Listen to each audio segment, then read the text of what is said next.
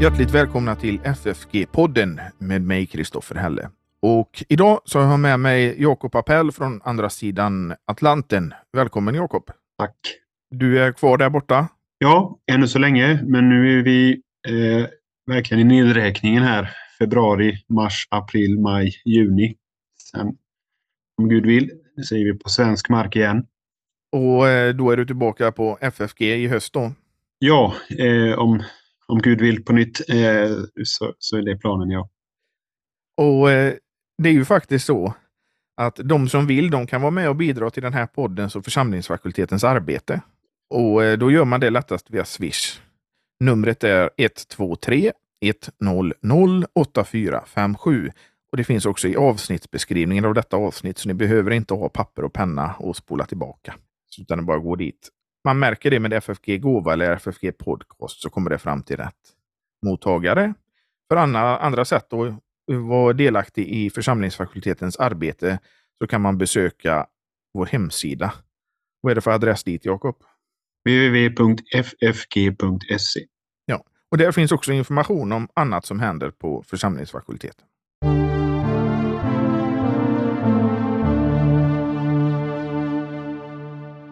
Ja, Jakob. Vi ska prata lite om eh, sjunde bönen i Fader vår idag. Eh, Fräls oss ifrån ondo. Men vi tar en liten eh, annan ingångsvinkel än bara den här vanliga katekesförklaringen. Eh, för det här är ju någonting som är relevant för oss även idag. Ja, eh, det är klart det är relevant eh, varje stund och varje dag, men, men på något sätt så angrips vi av, av onda krafter och eh, ovisshet och annat som på något sätt gör att fräls oss ifrån ondo blir en, en som inträngande bön för, för oss. Så att eh, jag tänkte att vi skulle kunna både eh, samtala om, om, om det onda eh, men också om, om, om bönen som vår tillflykt när det är som det är och upplevs. Och ondska, det är ju någonting som, som för människan kan vara väldigt svårt att greppa. Ja, eh, i, i själva bönen Fader vår, fräls oss ifrån ondo, så finns det en dubbeltydighet här att, att, att det både skulle kunna vara fräls oss ifrån den onde, som, som djävulen själv och alla de onda andemakterna, men också fräls oss från det onda.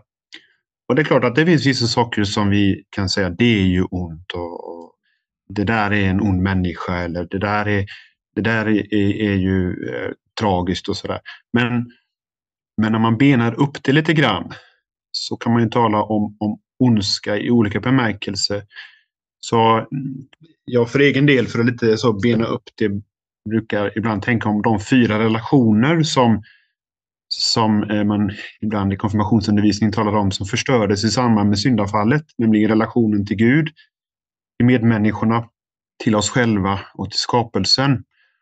Och då finns det något som är ont i alla de här relationerna som, som, som följd av syndafallet i förhållande till Gud, att vi har kommit bort ifrån Gud, att synd skiljer oss ifrån Gud. Det är det onda. I förhållande till människor, att, att det blir svårt, det är strid och kiv och, och vi både gör ont och drabbas av andra människors onda. Eh, förhållande till oss, till oss själva, att Paulus kan ju säga så det, det onda jag hatar, det gör jag. Alltså det, det, det, finns också något ont som härstammar ifrån vår egen eh, från, från, från vår egen vilja och vår egen, vårt eget hjärta. Och sen det onda ifrån till skapelsen, att vi visst, vi kan glädja oss åt över naturens skönhet och, och allt det vackra och, och underbara och så. Men det är också så att naturen kan slå sin väldigt hårda sida eh, mot oss och, och skada oss och bringa mycket olika. Men just det man förstår i den här bönen, det är också att Gud kan frälsa eller då rädda oss från det onda.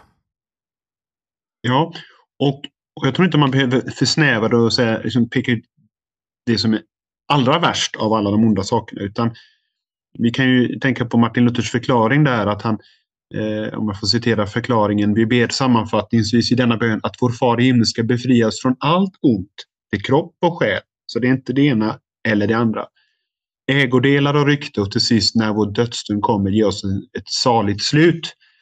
och av nåd ta oss från denna jämmerdal till sig i himlen. Så att vi kan få väva in allt som vi tänker på i detta onda. Frälsa oss ifrån allt som är ont, till kropp och själ, som andra människor gör oss, men ändå kanske ändå till sist från det värsta onda, nämligen att komma bort ifrån Gud och skilja sig från honom för, för både den här tiden och evigheten. Men här i tiden han lagar det som träffar oss och om det träffar oss så tar han bort det igen. Och om det fortsätter att plåga oss så hjälper han till, oss till seger över det. Det är ju inte vi själva som gör det utan det är Gud. Visst, så att, och det hör ju till det, det stora för Guds barn att även om vi lever i en tid som är ond bland människor som är gudlösa. Eller till och med att vi plågas av ont i vår eget liksom, psyke eller i vår egen kropp, sjukdomar och annat. Så är vi inte utlämnade åt oss själva. Utan vi har, som, som, som Bibeln säger, vi lever inte som de som är utan Gud och utan hopp i den här världen. Men med Gud har vi hopp. Även om vi får fortsätta att leva i Jämmerdalen. Men det finns ju något, något, något underbart i det här, både att Gud hjälper igenom, eh, genom allt, men också att han till slut ska befria oss ifrån denna Jämmerdalen till sig i himlen. Som beskrivs på, på, på många sätt förstås, men, men bland annat det här att Gud själv ska vara ibland oss och han ska torka våra tårar och han ska göra allting nytt och han ska låta rättfärdighet bo i, i, i den nya skapelse som, som väntar. Så att eh, det gör ju att även om vi känner att det blir bara värre och värre och, och så där, så kan vi ändå eh, veta att det slutar väl. Och det är ju inte alla som kan känna så. Det slutar väl. Eh, Guds rike vi behåller, som, som Martin Luther sjunger i reformationssalmen. Även om vi blir av med allt här i världen. Men det som du säger, att det, det, första som går förlorat genom syndafallet, det är ju relationen till Gud. Det är re, relationen till människor och till oss själva och till skapelsen. Men till, till oss själva är ju att vi kanske inte alltid märker vår egen ondska och det som är brustet inom oss. Nej, och eh, om vi nu får tänka så att Gud hör den här bönen, det gör han ju såklart, fräls oss ifrån det onda. Då ska inte vi diktera för Gud vad som är ont för oss. Utan vi får vara öppna för att han vet vad som är ont för oss. Och Det kan vara omständigheter runt omkring oss, men det kan också vara så att det är omständigheter inom oss själva. Och Då kan Gud, för att frälsa oss ifrån det onda, ibland faktiskt låta de, den yttre omständigheterna vara plågsamma onda för att fostra oss och, och, och liksom låta själen mogna genom det som, som sker runt omkring oss. Så att bönesvaret blir att han arbetar med, med vår, vår inre människa för att vi ska gå stärkta igenom det här. Så Paulus när han talar om, om det här att jag kan lida brist, jag kan leva i överflöd, allt förmåga genom honom som ger kraft till det. Så är det ju en, en beprövad tro, en, en mogen kristen, låt oss säga, som har lärt sig att leva i överflöd utan att låta det liksom ta överhanden och bli till en avgud.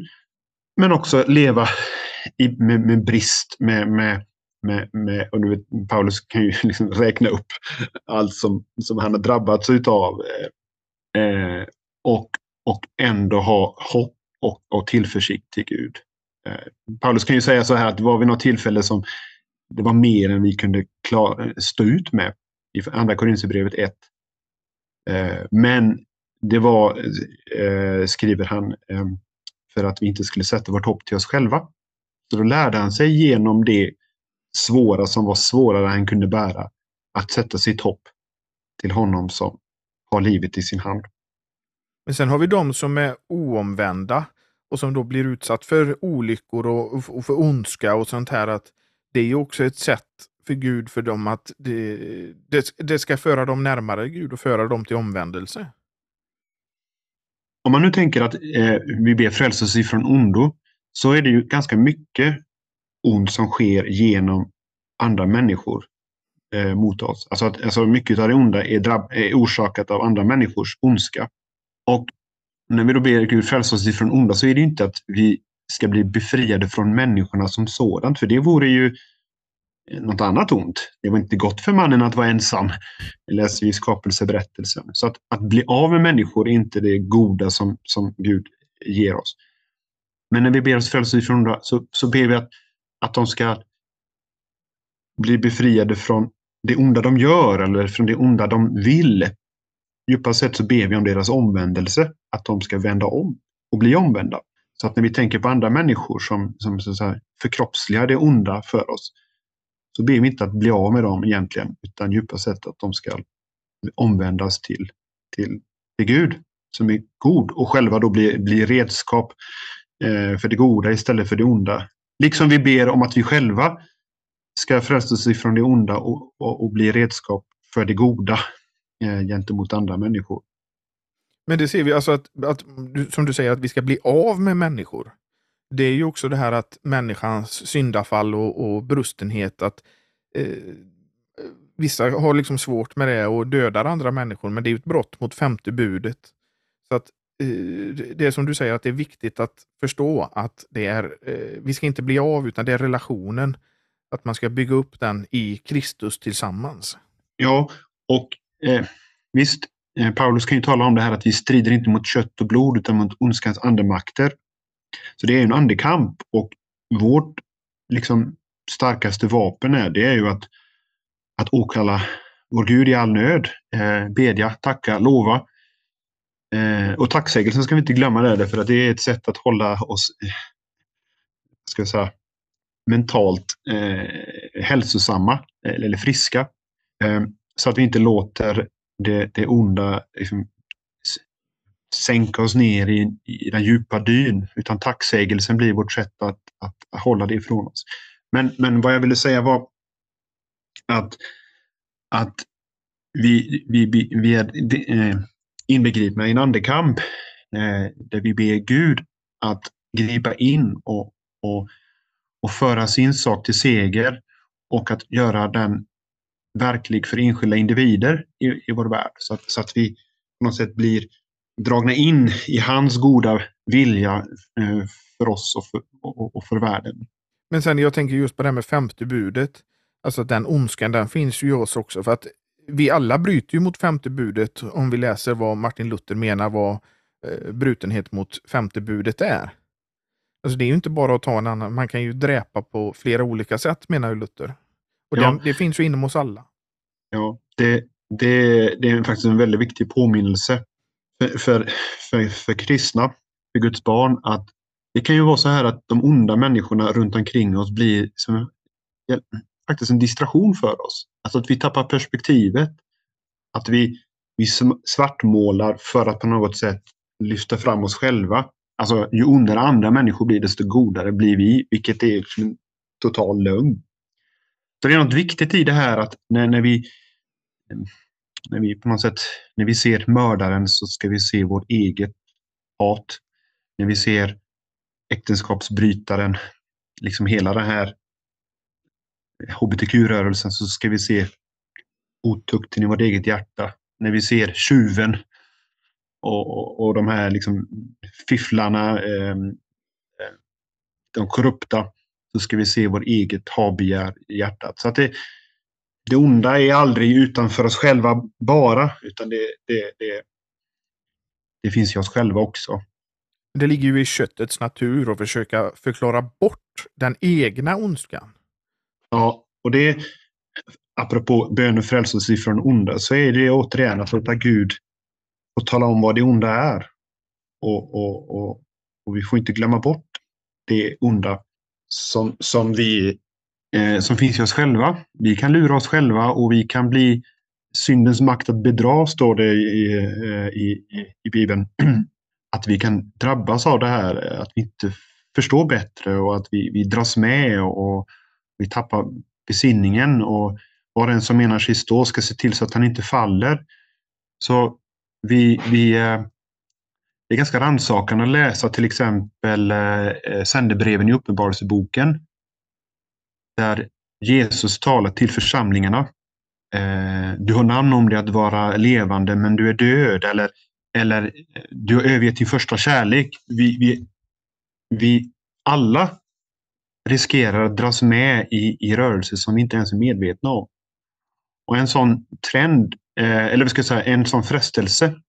Eller ska säga att det finns, det finns två frestelser eh, för, för kyrkan idag. Eller det finns massor med frestelser, men, men jag kan se liksom två lite större eh, drag. Det ena är att man dras med i, i ska säga, allmänna laglösheten och lämnar Guds ord och på något sätt anpassa Gud efter, sina, efter tidsandan och sådär. Men den andra frestelsen är på något sätt när man reagerar emot det och eh, hamnar i det här lite, lite kalla och lite hårda som, som reagerar på avfallet i kyrka och, och omvärld. Och så slutar man själv som en farisé som har satt hopp till sin egen rättrohet. Och den, det är något av det här att, att man tappar bort den första kärleken. Att Kristus eh, som frälste från, från mitt djupa syndafördärv har nu blivit något annat. Nu är det inte längre mitt syndafördärv som, som han frälser ifrån, utan nu blir han så att säga min allierade i min kamp mot, mot eh, om, om, omvärlden. Och då är det någonting som kallnar hos oss. Men jag tänker på en annan sak här. Kan man uh, vara ond utan att veta om det själv? Ja, det är ju egentligen den här stora olyckan. Att, att, uh, att inte se sin egen belägenhet. Och, och återigen, det är ju det är en andlig, ett andligt uh, problem. Eh, att man är andligt blind. Och alltså, vi kan ju se på andra människor som lever eh, alltså väldigt destruktiva liv. Att, och, och bara bistert eller tragiskt vemodigt säga att de ser inte sitt eget bästa. Och, och då får man ju säga att ja, det är en blindhet som har drabbat dem. Men det är ju också syndafallets väsen, att vi är blinda. Vi, vi eh, eh, redan Adam, när han försöker att gömma sig för Gud, så, så, så, så har han slagits av en blindhet. Man kan inte gömma sig för Gud. Och alla försök som vi tar till för att på något sätt framställa oss som bättre är också blindhet. Så att vad som är vår, vår, hopp och vår hjälp i det här, det är ju att den helige Ande eh, ger oss ljus och, och, syn. Och en viktig andlig erfarenhet är att, att se att hjälp, jag är blind. Men han ger mig syn till att se hur det, hur, hur, hur det är ställt med mig. Och då ber jag, Herre, ge mig min syn. Och det är på något sätt eh, synens väsende, att jag ber om syn för min blindhet. Men jag tänker så här att om man inte vet då att man är, man är så blind, alltså man inte känner till sin egen ondska, att man till exempel går in i en kyrka och börjar propagera för världens värderingar som strider emot Gud. Eh, alltså det finns ju många sådana exempel. Till exempel att man går, man går in i kyrkan och, och liksom tar bort Guds ord helt enkelt. Ja, Martin Luther han var ju sån här one-liners för många andliga eh, tillstånd. Han, han kunde säga så att vi är så inkrökta i oss själva så att även när vi blir religiösa eller spirituella så söker vi vårt eget. Och det, så är det. Och går vi till oss själva så måste vi säga ja, det är det. Vi, vi, vi vill liksom utnyttja på något sätt Gud för våra egna syften. Vi ber Gud välsigna våra planer istället för att be Guds planer förverkligas i oss själva. Och vi, vi blir inriktade på vad jag vill ha av kyrkan eller av andra kristna eller av, av Gud istället för att fråga vad vill du ge? Vad, vad gör du? Och, eh, vad, vad vill du med mig? Och, och, och sådär. Så att det, det sitter ju lika djupt som, som syndafördärvet att vi, vi söker vårt eget. Och det tar sig många, kan ju ta sig många uttryck. Att, att man gör om kyrkan efter sin egen falska bild av Gud istället för att låta den sanne, levande guden, Bibelns Gud, omforma eh, min bild av honom. Men för man säger så här att om man följer Guds ord så är det ju mindre som ligger på mig och mer som ligger på Gud. Ja. Det, Gud det har skapat har... oss. Det är han som handlar med oss. Ja. Och Det är det som är så oerhört tragiskt att synden gör oss blinda så att vi vill göra, göra oss en avgud som ska, som ska hjälpa oss. Men det vi tar till som substitut för Gud är ju ytterst inkompetent. Det, det, det förmår inte att vi kan tänka på, på guldkalven i öknen. Vad skulle den kunna göra för Israels folk?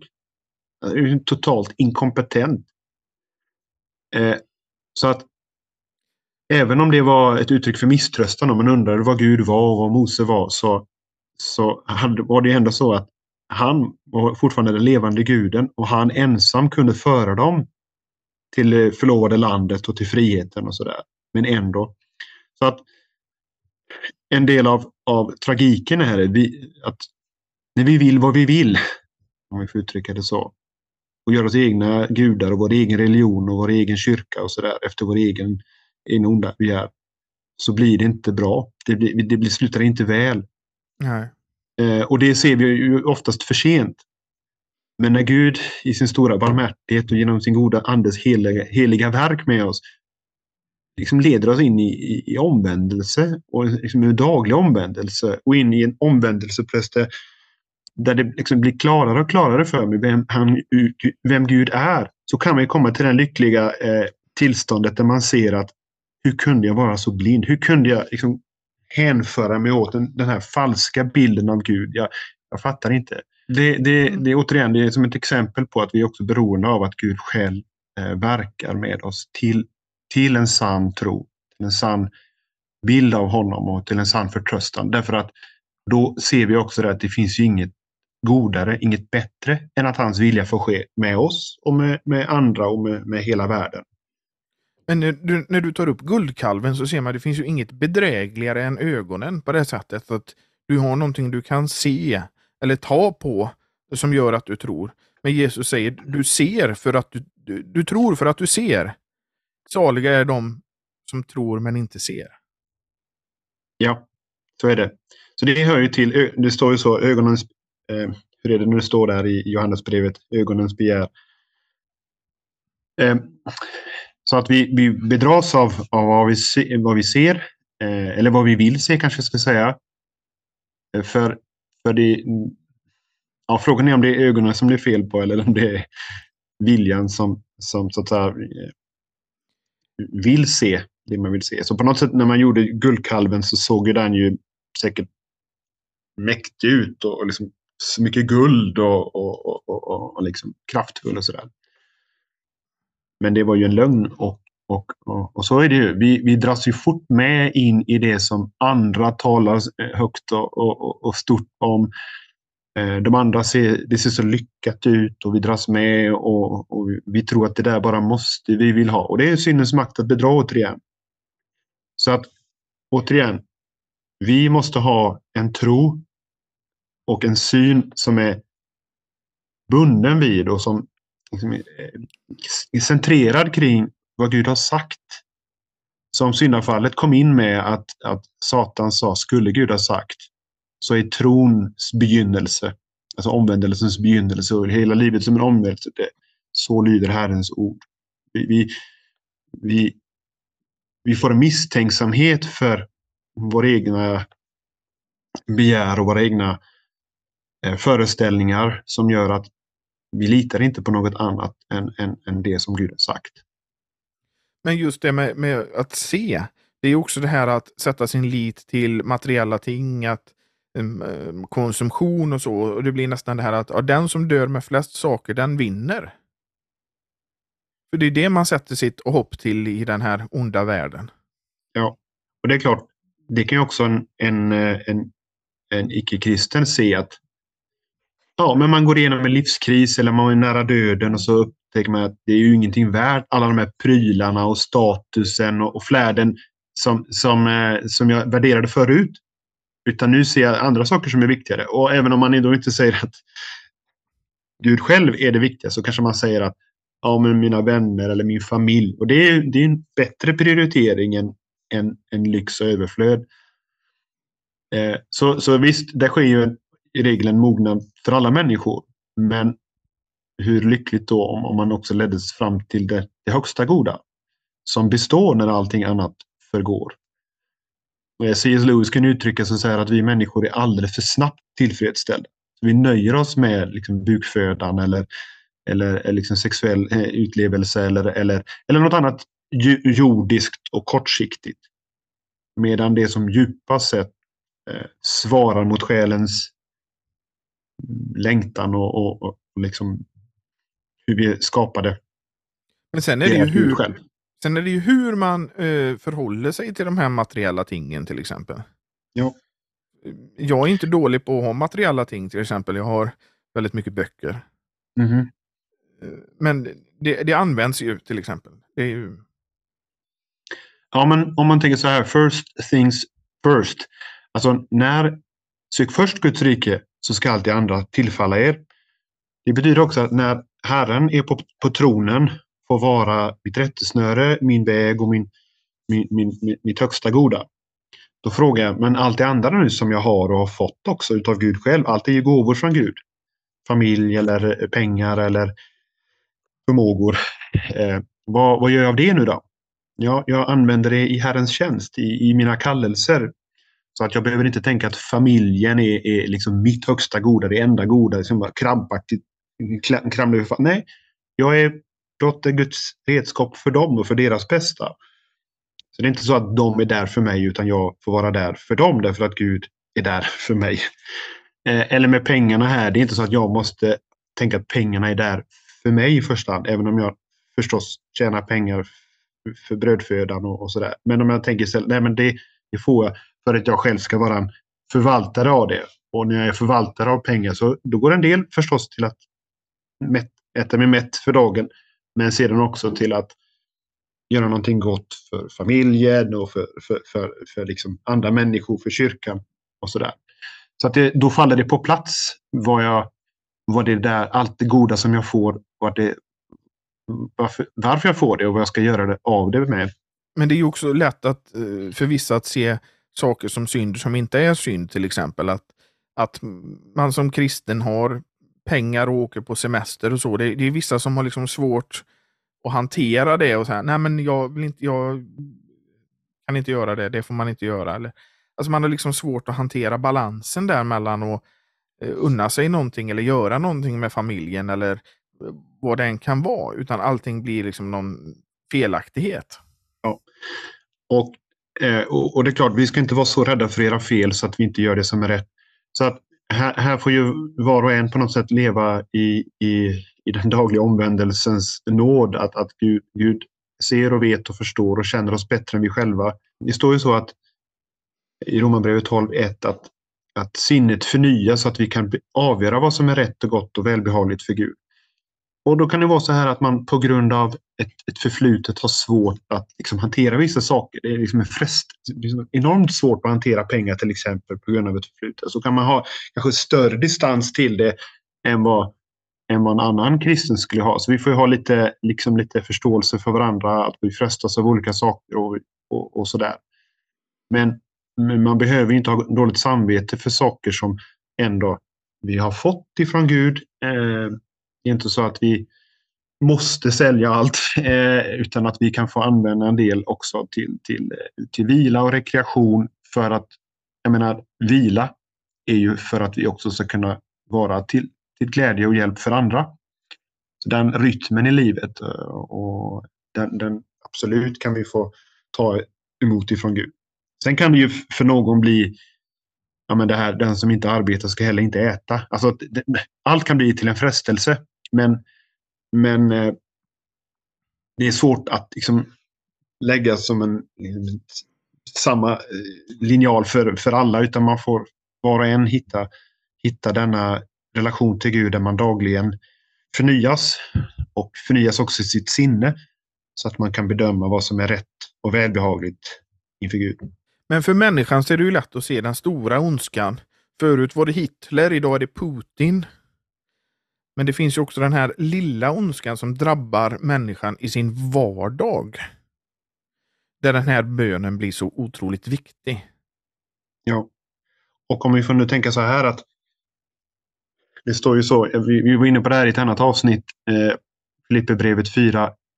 Gör det inte bekymmer, utan låt Gud i allt veta era önskningar eh, genom bön och tacksägelse och åkallan. Och gör det inte bekymmer. Det är så här, när det onda kommer nära inpå jag känner mig rädd eller jag, jag, jag känner mig pressad av olika saker. Vad gör jag? Gör det inte bekymmer. Ja, bekymren finns det, men gör det inte bekymmer. Och hur ska jag kunna låta bli när det är som det är? Jo, låt Gud i allt veta. Tala med Gud. Låt honom få han vet ju allt förstås, men varför ska jag låta honom veta allt? Jo, det är för min egen skull att, att på något sätt se att jag måste lämna det ifrån mig, annars så blir, gör jag mig ett bekymmer. Det, det blir mig övermäktigt. Det blir, det blir för stort för mig. Och jag tappar fästet och, och liksom låter det onda runt omkring mig eh, dränka mig.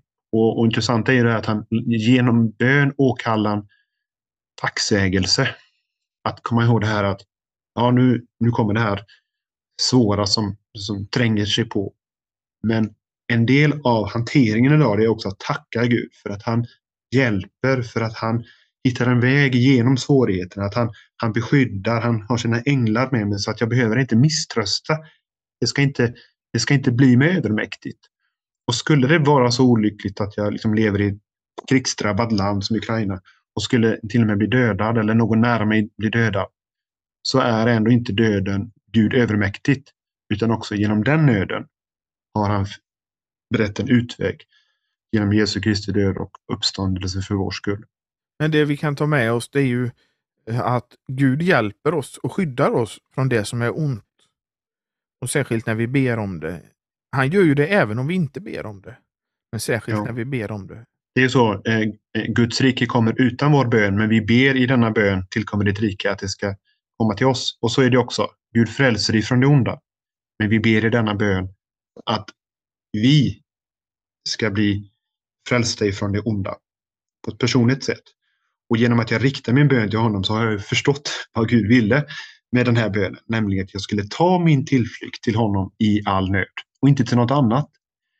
Eh, vi, vi har ju den definitionen på avgudar, eller Luther har det i Stora katekesen. Att vad är din Gud? Jo, det är det som du väntar dig allt gott ifrån och tar din tillflykt till i all nöd.